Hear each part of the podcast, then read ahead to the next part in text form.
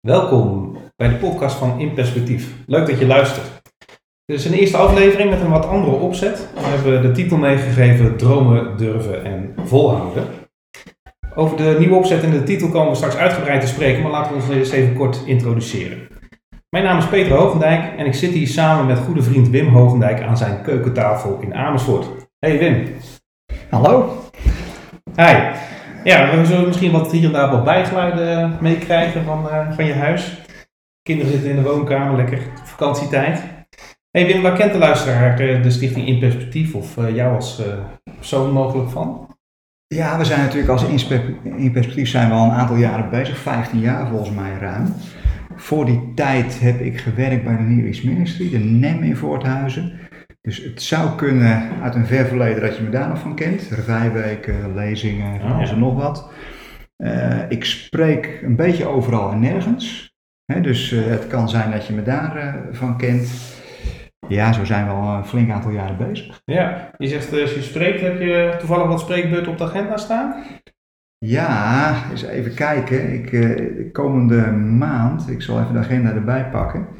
We hebben er net even een paar zitten bekijken. Ja. Eerst maar eens even een paar weken vakantie. Ja. En daarna als we terug zijn, dan eh, 24 augustus, dan zit ik in Soest. Bij de Bene Abraham, dat is een Messiaanse gemeente. En dan 1 september in Maarsluis. Bij een protestantse gemeenschap, de Magneet. Ja. En 15 augustus in Horen, bij een Pinkstergemeente. De Brug. Nee, je kost echt het hele land over. Ja. Ja. Sluis horen. Ja. Ja. En nog ietsje verder dan eh, 13 oktober in eh, De Beeld. Dat is een eh, volle evangeliegemeente. En eh, mocht je nou in Drachten wonen, eh, 26 oktober zit ik in Drachten. Zo. Op een zaterdagmorgen bij de Mayaan Yeshua. Alleen die naam is al fantastisch. Ja, ook, ook, Messiaanse eh, ook een? Messiaanse ja. gemeente. Ja. Nee, je spreekt ook eh, in de kerk van de Nazarenen in Amersfoort regelmatig. Ja, ja, we zijn met eh, ons gezin zijn we lid van de Kerk van de Nazarenen. En 17 november dan ben ik in eh, de Kerk van de Nazarenen in eh, gemeente Zuid, heet dat dan. Dus Oh, ja. we hebben drie gemeentes. Ja. Dus dat is eh, de grootste club. En tenslotte, je hebt ook een Facebook pagina. Ja, dat klopt. Hoe Ja. heet die? Eh, gewoon Wim Hogendijk. Kijk, dat is makkelijk. Ja, en we hebben ook een Facebookpagina als In Perspectief. Die Ja. heet gewoon In Perspectief. Ja. Dus een beetje wisselend hoor. Als ik weer, weer, weer zin heb, dan vind je daar wat posts. Heb ik een tijdje geen zin, dan vind je niks. Ja. Dus zo gaat het daar. Er staan ook eh, meer dan 100 lezingen op die website hè, van In Perspectief. En eh, eh, nou ja, eigenlijk is dit weer een andere opzet. We, eh, ik heb gedacht, we gaan niet meer zo'n lezing doen, maar laten we eens een podcast beginnen met een goed gesprek. Eh, want Stichting In Perspectief bestaat eigenlijk op de kop al 15 jaar, hè, 15 jaar geleden opgericht. Ehm, Nou, 2004, hè, een beetje november Ja. 2004, toen kwamen we met dat idee. ja, en een droom Ja. hè. En een droom. Vertel eens, Ja. wat was de droom? Nou ja, kijk, weet je, je zou kunnen zeggen, eh, elk mens vraagt zich twee dingen af. Wie is God? En misschien onbewust hoor, want ik denk dat veel mensen nou niet zich bewust afvragen wie is God, maar toch ergens een soort, de wereld is groter dan ikzelf. Ja. Wat, waarvoor ben ik hier? Wat, wat, is het, wat is de zin van alles? Nou, dan kom je uiteindelijk, denk ik, uit bij de vraag: wie is God? Dus bij het godsbeeld. Eh, en de tweede vraag die, je dan af, eh, die, die daar eigenlijk uit voortvoert: ja, wie ben ik dan? En wie, wie mag ik zijn in dat grote plaatje? En eh, nou, ik kom vanuit een christelijke traditie. Eh, dus dan vraag je je af: ja, wie is God in de Bijbel? En, en dan eh, begin je met een, een, een godsbeeld. Eh, en en ja, dan zijn er eigenlijk een paar godsbeelden beschikbaar in de, in de, in de christelijke supermarkt. Je hebt het reformatorische godsbeeld, wat eigenlijk zegt: ja, God is almachtig en eh, alles wat hij doet is goed. En, eh, maar ja, dan heb je wel het, het hele beeld van eh, sommige mensen die gaan naar de hemel, andere mensen gaan naar de hel. Mm. Dat hoort ook bij dat traditionele reformatorische godsbeeld. Eh, daar, daar kon ik steeds minder mee. Dan heb je het evangelische godsbeeld waar je dan automatisch inrolt eigenlijk als je eh, vanuit die reformatorische wereld komt, die hele strikte reformatorische wereld. En dat evangelische godsbeeld zegt eigenlijk, ja, God houdt eindeloos veel van je, Ja. maar het is wel je eigen keus. En eh, ja, maak je de foute keus, eh, dan, eh, dan, beland je toch weer in die hel. Ja. Dus Gods liefde is in die zin, Gods almacht is in die zin beperkt. De mens is eigenlijk de kroon en hij bepaalt zijn eigen lot. Ja. Ja, en ja, dan blijf je toch ook weer met dat restafval zitten. Dus je hebt ofwel God bepaalt alles en God bepaalt zelfs jouw keuze als het er echt op aankomt. Ofwel de mens is koning en bepaalt zijn eigen lot. En eh, ja, als je zo dom bent om verkeerd te kiezen, dan beland je toch weer in, in die hel. En ik kwam er steeds meer achter dat beide dingen ja, eigenlijk God geen recht doen.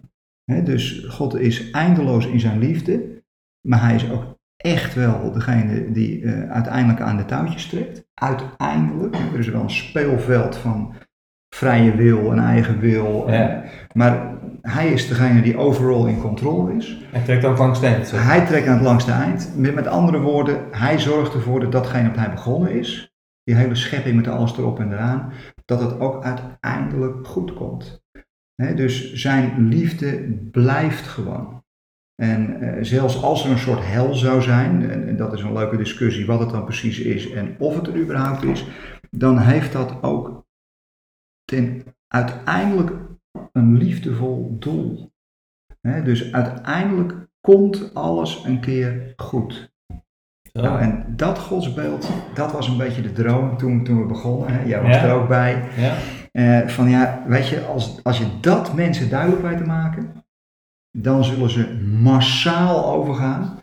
En dan wordt in perspectief een beweging, dat is niet te stuiten. Maarten Luther is er niks bij. Ja, dat dachten we toen. dus Ja. ja, nou, dat was een beetje het idee. Ja. En ik denk dat de Bijbel daar alle aanwijzingen voor geeft om, eh, dit godsbeeld is volgens mij een voluit Bijbels godsbeeld. ja, je hebt er ook een naam aan gegeven toen al vlug, hè? Evangelisch universalisme noemde je dat. Evangelisch, is- ja, ja, ik vind nog steeds een mooie, mooie titel. Ja, heb je het zelf bedacht of is dat iets wat eh, bestaat?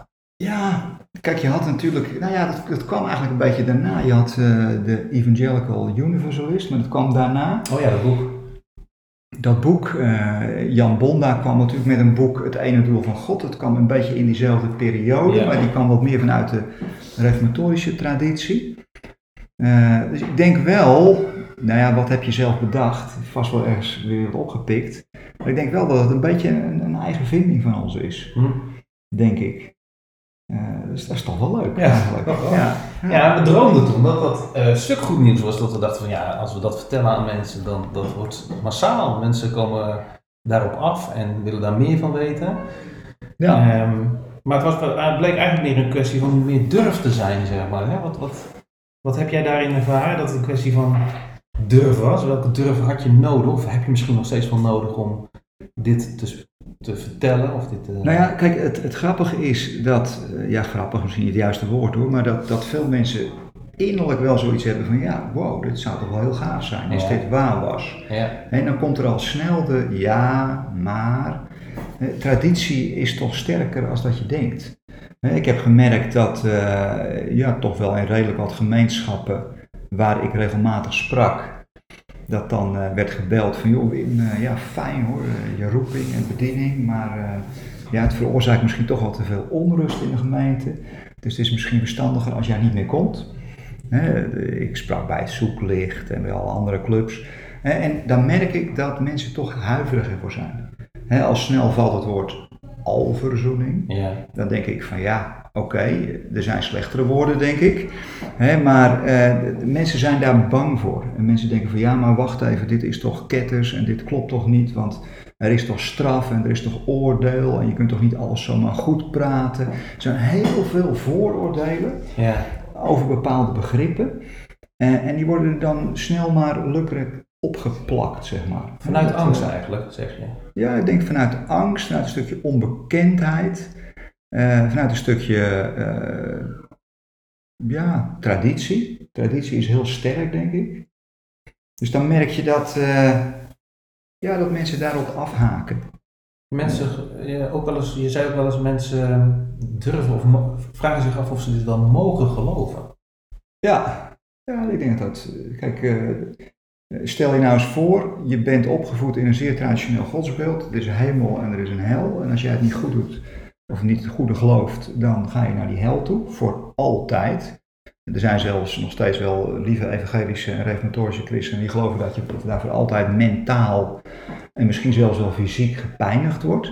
Nou, als, dat nou, als, dat je, dat, als je dat echt gelooft, Ja, en iemand komt naar je toe en die zegt van joh, maar ik denk dat uiteindelijk alle nakomelingen van Adam en Eva eh, in die hemel belanden, vroeg of laat. Misschien laat, maar goed, dan is het toch nog vroeg.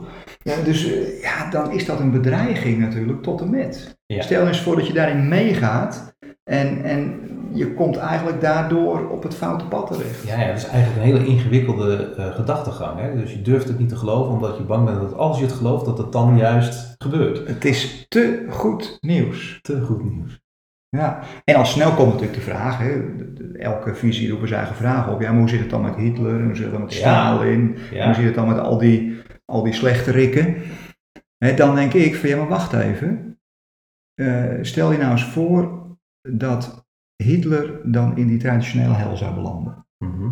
Eh, dan wordt hij daar gepijnigd, oké. Maar hij hoeft zich nooit te bekeren. Met andere woorden, hij zit daar min of meer in zijn eigen gepijnigde ik, in zijn eigen gepijnigde helse koninkrijkje. ja. Hij hoeft nooit te veranderen.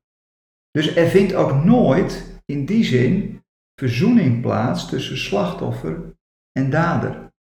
Want de dader blijft altijd dader. Ja, dus, dus ja, ik denk dat het nog veel mooier is als je nou een God hebt die zegt van ja, maar wacht even, je wordt geconfronteerd met je eigen daden.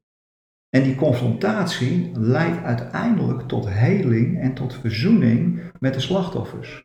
Ik denk dat dat echt liefde is. Dus dat is niet zoetsappig of eh, dat is niet dat je om het oordeel heen gaat. Ik denk dat dat juist het oordeel is. ja, En ik denk dat je het oordeel ontloopt als je in een hel belandt die je van de binnenkant dicht doet. En dan heb je ook nog natuurlijk de visie, want dit gaat veel mensen veel te ver, zo'n middeleeuwse hel, want die Ja. vind je natuurlijk in, in het hele Bijbelse denken helemaal niet terug. Maar goed, dat heeft een traditie ook niet nodig. Die, die, die creëert zijn eigen feiten. Maar dus ik denk, als je dan nog een milde hel gaat creëren, die je nu in de reformatorische en evangelische traditie zit, ja, het is een plek waar God afwezig is. Oh ja. ja, dan wordt alleen maar erger. Waarom? Nou ja, dan heb je straks Hitler en Stalin, al die zogenaamde bozerikken. Eh, en, en die hebben daar gewoon een eigen feestje. Oh ja, Want die hebben helemaal geen behoefte dat God erbij is. Eh, kennelijk. Ja. Eh, dus die hebben daar gewoon hun eigen koninkrijkje. je krijgt wat je wil, Je krijgt uiteindelijk wat je wil. uiteindelijk. Dat is natuurlijk helemaal. Ja, ik bedoel, als je kijkt naar de, de slachtoffers. ja, dat is helemaal geen genoegdoening of geen verzoening of geen. nee. Dus het is eigenlijk, als je gelooft in hemel, hel, is het eigenlijk een zeer onbarmhartig geloof. Maar zelfs onbarmhartig als je gelooft in genoegdoening. Want er vindt er nooit geen genoegdoening plaats. Geen verandering. Er is nooit geen verandering, er is nooit geen verzoening. En de slachtoffers blijven altijd met dat gevoel zitten. Ja, er is er ook een oplossing voor bedacht. Want wat doe je nou met de slachtoffers die in de hemel zitten? Eh, ja, je maakt er gewoon een soort evangelische zombies van. Met andere woorden, je neemt gewoon een deel van het geheugen weg. Ja. En, en je zorgt gewoon dat ze altijd gelukkig en, en gelukzalig in de hemel zijn. Want je zult gewoon de kwaaierikken niet meer herinneren. Maar je zult ook je familie die er niet is, kun je, niet, daar kun je niks meer van herinneren. Eh, dus je zit als een soort evangelische zombie in de hemel. Ja, als je nou terugkijkt naar de afgelopen 15 jaar hè, en je beschrijft even deze godsbeelden, welke ontwikkelingen zie je daarin? Is dat reformatorische godsbeeld aan het verdwijnen of is het juist weer heel erg sterk in opmars geweest? Bijvoorbeeld eh, hè, met John Piper uit de, de- of de evangelische hoek. Ehm, je ziet ook een hele andere ontwikkeling van Anti Wright, eh, Rob Bell eh, zie je opkomen. Ehm, kun je dat eens beschrijven wat je in de afgelopen 15 jaar van de godsbeelden gezien hebt? Ja, ik denk. Kijk, de, degene aan de randen die worden steeds fanatieker. Ja. Dus je hebt binnen de reformatorische en evangelische wereld heb je een stroming die eigenlijk eh, wat fanatieker zelfs New wordt. Calvinism hebben we Ja, nieuw. Calvinisme en ook in de evangelische beweging heb je wel zo'n groep die eh, ja, terug naar de roots, hè, welke roots dat dan precies zijn, maar dus een soort verharding. Ja, Eh, dat zie je wel aan beide kanten hoor. Ik zie ook in de universalistische hoek wel een soort verharding. Van, eh, dan wordt het bijna weer een soort keiharde theorie waar je mensen mee om de oren slaat. Dus dat zijn de twee uiterste kampen. Daartussenin zie ik, een- zie ik veel meer verzoening. Dus dan zie ik veel meer dat, dat het naar elkaar toe groeit. ja. En daar zie ik een, een, een, een Rob Bell zie ik daarin, en een Peter Rollings, en een, een Wright, en, en, en nogal meer Nederlandse auteurs ook. Hè, die, die, dat groeit wat meer naar elkaar toe. De Ja. harde kanten gaan eraf en het, het wordt wat meer relationeel allemaal. Eh, En dat vind ik wel heel mooi. En ik merk ook wel dat veel gewone gelovigen, Ja. eh, dat die ook niet meer zo erg de hardline kanten opzoeken. Dat, dat die wel langzaam wat meer openstaan voor die liefdevolle God en voor mogelijke consequenties ervan. Het, het, het, hele, het hele enge gaat er een beetje af. Zelfs wel bij evangelisch universalisme. Het, eh, eh, mensen die staan daar wel wat meer open voor, heb ik het idee. Is het omdat ze eh, minder bijbelvast zijn? Of dat ze denken van ja, de liefde moet toch wat meer naar de voorgrond? Of is het, is het bijbels gefundeerd? Hoe, hoe werkt dat? Dat mensen deze kant op bewegen? Ja, kijk, als ik nou een hardliner evangelisch of reformatorisch zou zijn, dan zou ik zeggen, nou zie je wel, dit is eh, het teken van de eindtijd. Ja. Mensen gaan hun eigen gedachten en hart Ja, volgen. precies dat. En eh, dit kan toch niet, zo'n hardvochtige God waarbij je voor altijd in een soort hel belandt. Dus die zullen dat aan die kant uitleggen. Eh, ik leg het een beetje anders uit. Eh, ik geloof wel in, in, in progressieve openbaring. Dus God laat steeds meer van zijn hart en van zijn wil zien. Ja, Dus ik denk inderdaad, eindtijd, het, het, het wordt allemaal wat helderder. Eh, ja, ik zou willen dat het te maken had met, met meer bijbelkennis. Maar ik denk dat dat toch wel wat te hoog gegrepen is. Ik, het is wel een gevoel van, joh, maar het kan toch niet zo zijn dat een liefdevolle God zo in elkaar zit. Dus ik zie dat ook als een stukje, ja, je zou kunnen zeggen, eh, een stukje bewustwording, dat je verder in de tijd komt. Kijk, eh, ik zie dat als een stukje progressieve openbaring. Dat je in een cultuur terechtkomt. Kijk, als je kijkt naar, naar, naar de oude culturen, die waren echt barbaarser en veel harder. ja, Eh, onze cultuur, hoe vreemd het ook klinkt, is echt humaner geworden. En, en ik denk daar past ook wel een humaner godsbeeld bij. En ik denk, dat zag je al 100% terug in Jezus. leg eens uit. In, in die zin was natuurlijk Jezus een tijd ver vooruit. Jezus als de ultieme openbaring van, van wie God ten diepste is. Ja, want in wat voor geschiedenis of wat voor cultuur in de geschiedenis leefde hij, zeg maar? En waar was hij zijn tijd in ver vooruit? Nou ja, kijk, hij leefde natuurlijk nog veel meer in een oog om oog, tand om tand cultuur. Eh, En dat was al een flinke stap voorwaarts, als je kijkt in de cultuur zoals die voor die tijd was, met bloedwraak en bloedvetes en een eindeloze herhaling van dat soort conflicten. En Jezus zei nee, dat stopt nu.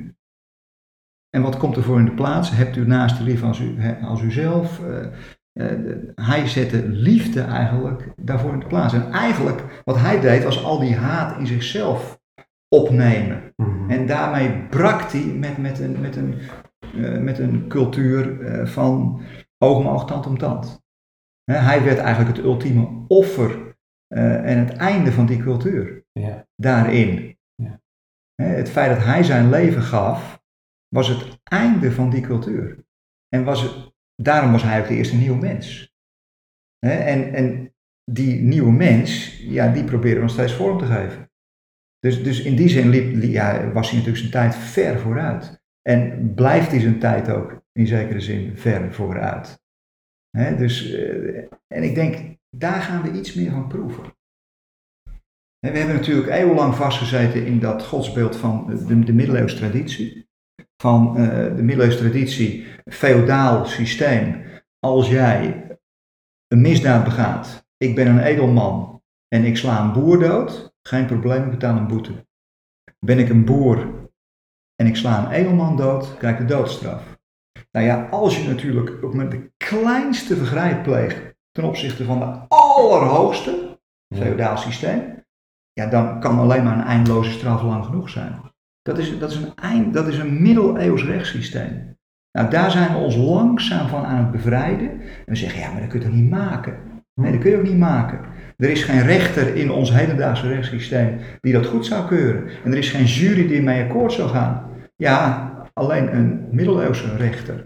Zeg je daarmee dan ook dat voor de middeleeuwen er toch een ander godsbeeld was? Dat dat het godsbeeld wat wij nu, zeg maar reformatorisch noemen, om het maar even zo te noemen, dat dat eigenlijk vanuit die periode, vanuit de middeleeuwen is ontstaan, maar dat er daarvoor toch ook weer een ander beeld was? Nou ja, je ziet natuurlijk, ja, ik denk het wel. Kijk, in, in, in de eerste kerk Eh, ja, had je natuurlijk eh, voordat eh, de, kerk zich overgaf aan het Romeinse rechtssysteem, hè, ze noemen het wel de zondeval van het christendom, voor die tijd had je natuurlijk niet voor niks hele sterke universalistische stromingen binnen het christendom. Dus eh, ja, ik, ik denk die stromingen zijn er geweest. Ja. En die stromingen zijn eigenlijk op het moment dat het christendom zich ging verbinden met het Ro- Romeinse rechtssysteem, eh, met een keizer die, die min of meer almachtig was, toen is dat ook vrij snel de kop ingedrukt en kwam je al snel terecht in het middeleeuwse rechtssysteem, Ja. wat eigenlijk een soort doorgaande lijn is met het Romeinse rechtssysteem. Ja. Dus eh, alleen nog een beetje erger. Ja, die, die stroming heb je zeker gehad. Ja. Zijn we die weer opnieuw aan het ontdekken? Zie jij auteurs die daarop teruggrijpen, op die eerste kerkvaders, die bezig daarmee zijn? Richard Rohr heb ik bijvoorbeeld wel eens eh, wat van je van gehoord. Ja, Richard Rohr gaat natuurlijk terug naar, naar de hele oude mystieke christelijke tradities. Ja, Die ook niks hadden met eindeloze straf en met dat soort eh, bijbels gezien zeer vreemde gedachten. Eh, Richard Rohr, maar eh, je ziet dat wel bij meer auteurs hoor. Ik denk dat ook een, een Rob Bell wel doet. eh, en auteurs die mij nu even niet te binnen schieten spontaan. Maar die zijn er zeker meer. In, in het katholieke traditie heb je Balthazar, de, hoe heet die? ik heb al een mooi boekje van hem. De volgende keer zoek ik hem op en weet ik hem uit mijn hoofd. Oers Balthazar, ja, die doet het ook. Eh, een, een Jan Bonda doet dat natuurlijk, die gaat Ja. terug naar die oude traditie. ja. eh, van Origenes en dat soort eh, belangrijke theologen.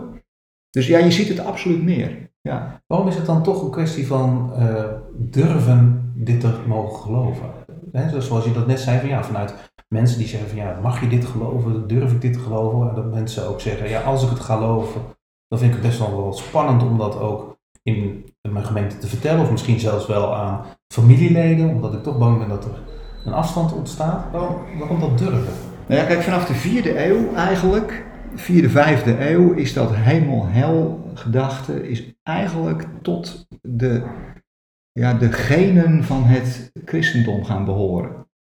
Dus ja, het, het, het, zit zo diep verankerd in, in, de- in de ziel van de christelijke theologie, Ja, dat mensen het idee hebben eh, dat als je, eh, als je dat eruit haalt, dat je dan eigenlijk geen christelijke theologie meer over hebt. Dat je, dat je dan op een soort kettersvlak belandt.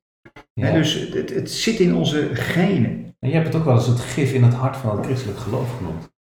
Ja, nou ja, je moet je voorstellen, als een deel van je genen gif bevatten, dan stroomt dat door het hele lichaam heen. Hè? Ja. En eh, ik denk dat heeft natuurlijk, laat ik het even heel vriendelijk zeggen, maar ik denk als je kijkt naar kruistochten, als je denkt naar inquisitie, en, en dat kun je denk ik wel heel ver doortrekken, eh, dat altijd weer angst, hiernamaals, hemel, hel, altijd een belangrijke rol hebben gespeeld. En toevallig, ik, ik, ben net ik ben al- altijd met allerlei boeken bezig. Ik las net toevallig een uitspraak in het boek van Jonathan Holslag. Die, die schrijft een, een wereldgeschiedenis, vrede en oorlog. En daar citeert hij eh, een, eh, iemand die leeft in de vijfde eeuw voor Christus, eh, een pers. En die pers die schrijft, als je gelooft in onvoorwaardelijke liefde, zullen de soldaten nog langer weigeren te vechten. Met andere woorden, dat kan niet. Als je een imperium te besturen hebt, als je een wereldreligie te vestigen hebt en je predikt onvoorwaardelijke liefde, eh, dan werkt angst niet meer en dan werkt geweld niet meer en dat kun je niet verkopen. Ja. En, en dus onvoorwaardelijke liefde, eh, ja, dat, daarmee haal je het gif uit het christendom, denk ik. Vandaar denk ik dat je, als je het hebt over onvoorwaardelijke liefde, dan krijg je al snel, moet je maar eens opletten, als iemand het heeft over onvoorwaardelijke liefde, vroeg of laat komt er in de preek of in de lezing maar. Mhm. En, Dan komt de dreiging. en eigenlijk, als je niet oppast, is die onvoorwaardelijke liefde dus gewoon voorwaardelijk. Ja. Want zodra er een maar komt, is het het einde van de onvoorwaardelijke liefde. Ja. Maar je moet wel geloven. Maar je moet wel dit. Maar je moet wel dat. Dan is onvoorwaardelijke liefde is gewoon flauwkul. En zolang die maar er nog zit, is het gif er nog niet uit. Zo. Ja.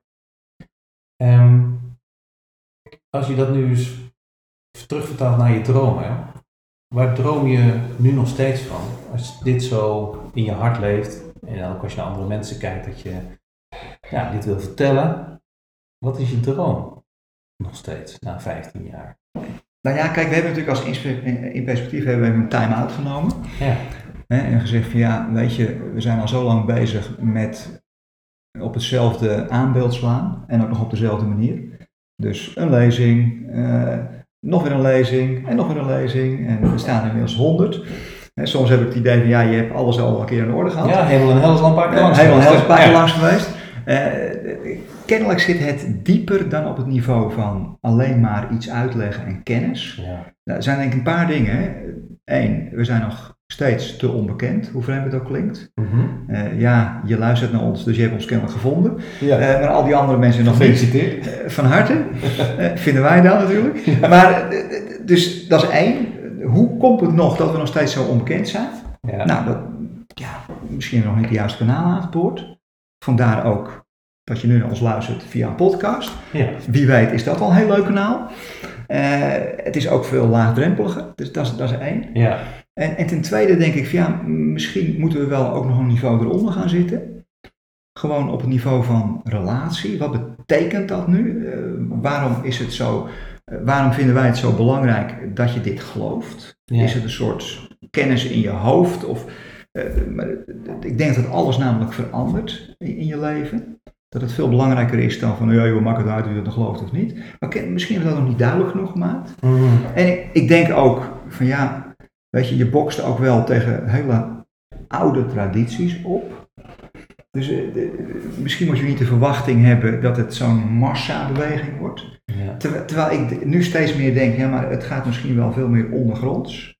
Dus als je natuurlijk ondergronds bent, ondergronds klinkt een beetje spannend, Ja. eh, maar als je ondergronds bent, misschien dat je wel op de een of andere manier die tradities enorm aan het uithollen bent. En dat het op een gegeven moment dat het compleet in kan storten. Ik vergelijk het stiekem een beetje met eh, dat hele communisme in de Sovjet-Unie. Ja. Zit ik nu te bedenken dat natuurlijk ondergronds enorm uitgehold werd. Het werkte gewoon niet. Het werkte economisch niet. Het werkte sociaal niet.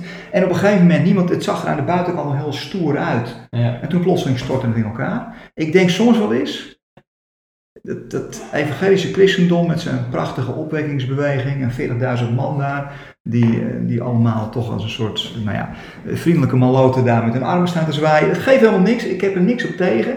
En, en dat reformatorische christendom dat zich heel sterk en stoer opstelt en eh, met, met, met de SGP die toch ook allemaal snoepreisjes organiseert blijkt. Maar, eh, dus het ziet er aan de buitenkant heel stoer uit, Ja. heel indrukwekkend uit en soms ook Solide. solide uit. Ja. Maar ik denk wel eens dat het aan de onderkant gewoon op het punt staat om gewoon door zijn eigen hoeven te zakken.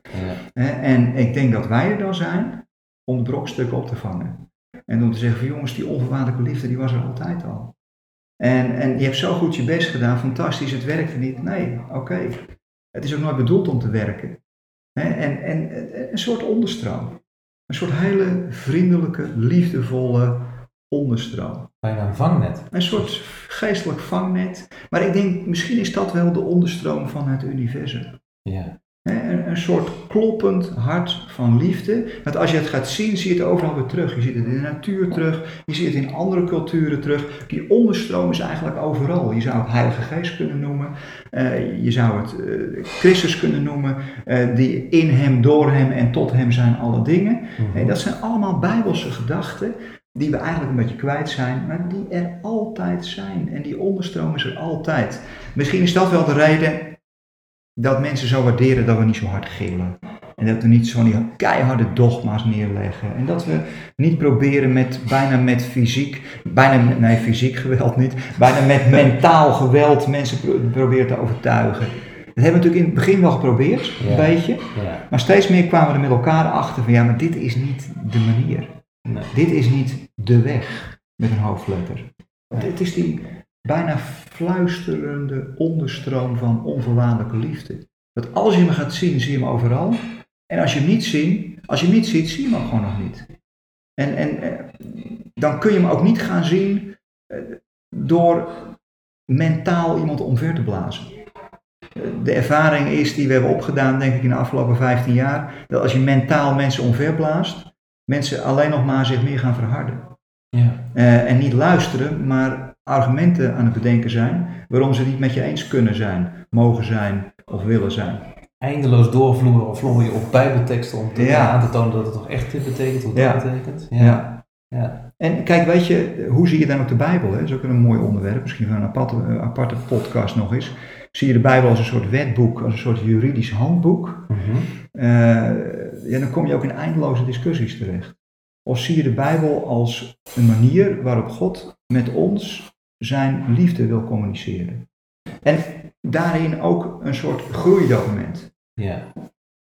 Heel belangrijk voor jou wel die Bijbel. Het is niet zo dat je zegt van nou ik heb vanuit allerlei ideeën dit godsbeeld opgedaan. En je zegt dat is heel bijbels onderbouwd. Ja, Wat is voor jou, wat is voor jou centraal? eh, in, in, wat voor bijbelgedeelte zou je zeggen is voor mij echt nog steeds centraal in mijn denken? nou het, het mooie aan de Bijbel is natuurlijk, het is een soort bibliotheek. Mhm. En mensen, het is ook heel menselijk. Maar tegelijkertijd, en dat vind ik ook weer heel goddelijk, eh, gaat God met zijn geest door al die eh, mensen heen blazen. Eh, en hij staat ook soms toe dat ze, denk ik, wat onzinnige dingen beweren, die in hun cultuur pasten, maar in onze cultuur not done zijn. Dus vandaar dat ook sommige mensen zeggen, van, ja, maar in het Oude Testament vind je toch wel heel veel heel gewelddadige dingen. Ja, God geeft ruimte om, eh, aan mensen om zich te uiten in hun cultuur. Mhm. Is dat altijd God die aan het woord is? Dat weet ik niet. Maar het is wel Gods woord. God blaast er met zijn geest doorheen. Oftewel, God gebruikt feilbare mensen om zijn hart te laten spreken. En eh, ja, wat voor Bijbelgedeelte vind ik dan mooi? Ja, eigenlijk vind je door de hele Bijbel heen, vind je doorkijkjes naar Gods hart. Dus neem bijvoorbeeld een, een gedeelte als Genesis 12.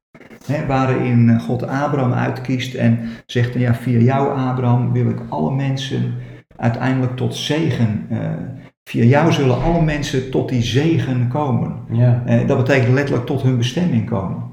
Dus eh, alle geslachten van de aardbodem, eh, alle nakomelingen Adam en Eva, zullen via, die, via Abraham en zijn nakomelingen, zullen ze tot hun bestemming komen. Dat vind ik een prachtige tekst. Ja. Daarin gaat God eigenlijk uit boven het stamdenken van de cultuur.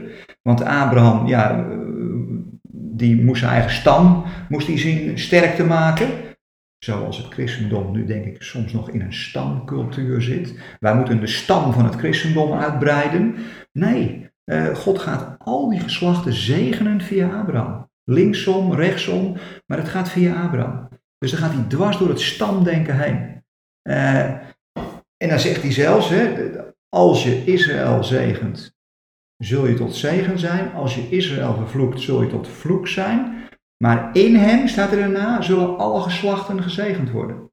Dus het gaat dwars door de vloek heen. Wat is vloek dan? Toch een hemel hel? Eh, eh. Nee, vloek betekent eigenlijk iemand kleineren, iemand klein maken. Dus zelfs als je het niet ziet, zelfs als je het belachelijk maakt, zelfs als je in die vloek zit van het belachelijk maken, dan nog uiteindelijk zul je tot je bestemming komen. Dat vind ik een fantastische tekst. En eh, nou ja, dat is zomaar Genesis 12. Dan zit je nog in, in, in het begin van de wereldgeschiedenis. Ja. Eh, In een geschiedenis die nog vol geweld zat, krijg je al een doorkijkje naar die onvoorwaardelijke liefde. Die steeds meer handen en voeten krijgt. ja. Toch is niet voor niks dat je weer bij Israël begint bij dit verhaal, denk ik. Want dat is voor jou altijd een heel belangrijk uitgangspunt geweest. Israël, het Joods Bijbels denken. Ja, ja, je zou kunnen zeggen, het is een proeftuin. Israël bedoel je? Israël. Het is een soort proeftuin. Kijk, eh, wat God uiteindelijk van plan is met de hele wereld, probeert hij eerst als het ware uit bij Israël. Hmm. Eh, en eh, de, de, de Messias kwam ook niet voor niks uit Israël. En, en dat hele Bijbelse principe van, je hebt aan de ene kant groot en sterk, autonoom, en aan de andere kant heb je klein en kwetsbaar, afhankelijk. Dat zie je ook in Israël terug. Israël was niet groot, autonoom en sterk. Israël was een klein, miserig rotvolkje. Eh, en juist daarom kiest hij Israël. Eh, de Messias was niet een soort Superman, niet groot, autonoom en sterk. Nee, eh, hij was juist zwak. In de Bijbel wordt, ge- wordt zelfs gezegd, hij zag er niet uit. Mhm. Terwijl wij een beeld hebben van een soort Brad Pitt eh, en dan nog eh, wat sterker. Ik geloof dat ik bij Brad Pitt alweer twee generaties achterloop. Eh, maar dus steeds is het andersom. Hè? Wat, wat groot en sterk is, wordt door God op het, plan, het tweede plan gezet. En wat zwak is en afhankelijk, dat zet hij op nummer één. Het was niet de, de, het was de, de zwakke David, als jongste van de twaalf, die werd koning. En niet de sterke Saul. Hè, daar lukte het juist niet mee. Nee. Dus eh, wat, en dat is het, hele, dat is het hart van het Bijbelse denken. Eh, onvoorwaardelijke liefde is juist heel kwetsbaar en heel klein. Want het is veel makkelijker om hard terug te slaan. Het is veel makkelijker om een dictator te zijn. eh, dan om het te proberen mensen hun hart te winnen met onvoorwaardelijke liefde. Ja. En, en, en dat, en dat Bijbelse denken, dat, dat begint steeds weer met Israël. En dat gaat door naar de volkeren. En dat komt dan weer terug bij Israël en dat gaat weer door naar de volkeren. Het is een soort wisselwerking. Het is ook een kwestie van volhouden. Ja, Onderwerp, de dromen, durven, volhouden. Is het voor jou ook volhouden? ja ik weet toen wij met, met onze stichting begonnen. Ja. Toen zeiden ze, nou de meeste stichtingen die beginnen heel enthousiast. En na een paar jaar is het eerste vuur een beetje geblust en dan stoppen ze. En wij begonnen heel enthousiast. Ja. En, en dat hebben we langer volgehouden dan gemiddeld. En nu zijn we op het punt dat we zeggen van ja, hm, eh, het heeft niet uitgewerkt wat we gehoopt hadden. Eh, hoe dan verder? Ja. En eh, je zou kunnen zeggen, ik geloof dat we nu in een soort volwassenwordingsproces zitten. Dat klinkt wel heel saai. Eh, maar in een soort tweede adem. In een soort tweede adem. En misschien wel dat dit het moment is dat we meer openstaan voor die onderstroom van de geest die er altijd al geweest is en die ook altijd zal blijven. Dat we meer in de flow nu meegaan. Misschien dat we in ons enthousiasme wel begonnen zijn bijna op de evangelische manier. Veel dingen doen. What would Jesus do? Organiseren. Eh, en, en we gaan het eens even doen. ja. En God wilt u ons zegenen? Ja, vast wel. En door. En dat we nu zoiets hebben van ja, oké. eh, we lopen toch een beetje vast op een soort muur Ja. van traditie. En die muur ga ik niet zomaar afbreken. En dat we meer in de flow van die onderstroom meegaan. We gaan niet door de muren heen, we gaan er gewoon onderdoor. Ook meer van doen naar zijn. Ja, ja, ik denk het wel. Is dat ook dat, dat Joods-Bijbelse? Als je als, hè, over dat denken, dat viel me net op. De, de, de lijnen die je zegt van het Westerse denken en het Joodse denken. Ook ehm, veel meer ja, op een andere manier kijken dan wat we in het Westen gewend zijn. We zijn natuurlijk zelf ook heel erg bezig met doen en Ja. eh, meten ons zelfbeeld daar ook vaak aan af. En voelen ons wel mislukt of hebben de angst om daarin in onze daden te mislukken. De Joden zijn er anders in. Hè? Die kijken ook anders uit vanuit de Bijbel. Kun je dat eens, die parallellen trekken in dat denken? Nou, kijk, het leuke in het Joodse denken is natuurlijk dat ze eigenlijk zeggen, ja, weet je, wij doen dingen omdat wij het idee hebben dat God het van ons vraagt. Eh, en wat dan de praktische consequentie is, ach, vinden we niet zo belangrijk. Die hele, die, die hele mitzwa, die mitzvot die ze doen, die, die 613 voorschriften, eh, die hebben ze eigenlijk door de hele geschiedenis heen hebben ze die levend gehouden. Eh, door makkelijke tijden heen, door moeilijke tijden heen. En dan hebben ze helemaal niet het idee van wij moeten de wereld veranderen. Nee, maar we hebben het idee dat, dat dit het goede is. Dat dit gewoon goed is om te doen. Ja. Eh, ze zijn ook niet zo zendingsgericht. Van nou, we moeten iedereen overtuigen van wat wij vinden. Maar je zou kunnen zeggen, in die zin is het een soort onderstroom van Gods aanwezigheid in de tijd. Eh, ze zijn er gewoon. Ja. Ze zijn er gewoon. Hè, als je het over dat zijn hebt. En, en eh, hoe er ook tegen ze aangekeken wordt, eh, ze blijven gewoon wie ze zijn. Eh, ja, je zou kunnen zeggen dat is wat Jezus noemt het, het zout in de wereld zijn. Mm. Hè, terwijl het christendom veel meer natuurlijk altijd gedacht heeft, ja, we moeten iedereen overtuigen van onze overtuiging, anders loopt het slecht af met de rest. Heeft het jodendom veel meer van, ja nee, we zijn gewoon wie we zijn. En, en, en dat is genoeg. Bijna de godsnaam die je net noemde. Hè? Ja. Ik ben die ik ben. Ja, ja. En, en dat denk ik is wel heel erg mooi. Kijk, als in perspectief hebben we nu eigenlijk steeds meer, eh, misschien wel eh, vanuit de ervaring dat we die grote beweging niet geworden zijn, eh, van, van ja, maar als we maar te vinden zijn. Ja. We zijn er als een soort baken van hoop. Een baken van, joh, maar die onvoorwaardelijke liefde, die mag je gewoon geloven hoor. Want dit is ten diepste de Bijbelse lijn. En, en, en dat gaat echt wel een keer gebeuren. Eh, dus, en de mensen die vastlopen in het activisme, of mensen die vastlopen in, in een soort uh, een deviïstisch godsbeeld van, ja jongens, uh, God bepaalt toch alles, dus ik zie het ook al niet meer zitten. Ja. die mensen die een beetje vastlopen, nou, die kunnen ons dan ook vinden. En de ervaring is natuurlijk wel dat die mensen ook, ons ook wel vinden. Ja. We krijgen soms natuurlijk hele prachtige mailtjes dat je bijna tranen in je ogen krijgt, of letterlijk tranen in je ogen krijgt van, wow, hey, ik, wat mooi dat we die rol hebben mogen spelen. Ja. Terwijl we dat helemaal niet wisten. Dat we die rol speelden Ja. in mensenlevens. Dus dat vind ik alleen maar fantastisch. Dus misschien ook waar je eh, mee begon, over dat we ons wat meer willen verbinden. En dat dit, zo'n zo'n podcast als deze, bedoeld is als een gesprek eigenlijk ook. Ja, ik hoop dat we wat, ook wat dichter bij mensen komen. Ja, Ik hoop dat mensen zich vrij voelen om via die podcast ook vragen te stellen. Of eh, hoe we dat technisch precies allemaal gaan doen, weet ik nog niet. Maar dat mensen echt dichtbij kunnen komen, hun vragen mogen stellen. eh, misschien letterlijk ook in gesprek kunnen gaan. We, zijn ook zeer, eh, zeer welkom mensen die zeggen van joh, ik, ik wil wel eens met je in gesprek gaan. Nou, dat, kan dan via zo'n podcast, gewoon aan de keukentafel. Eh, dus het is ook technisch goed te doen. Je hoeft niet altijd een zaaltje te huren en eh, proberen zoveel mogelijk mensen daar te krijgen. Maar het is heel laagdrempelig. ja, nou je hoort het als je zit te luisteren. Ehm, ik zou zeggen reageer. Ehm, misschien dat je dan nog wel wat mee wil geven, dat je zegt van een uitnodiging. Ga je gang.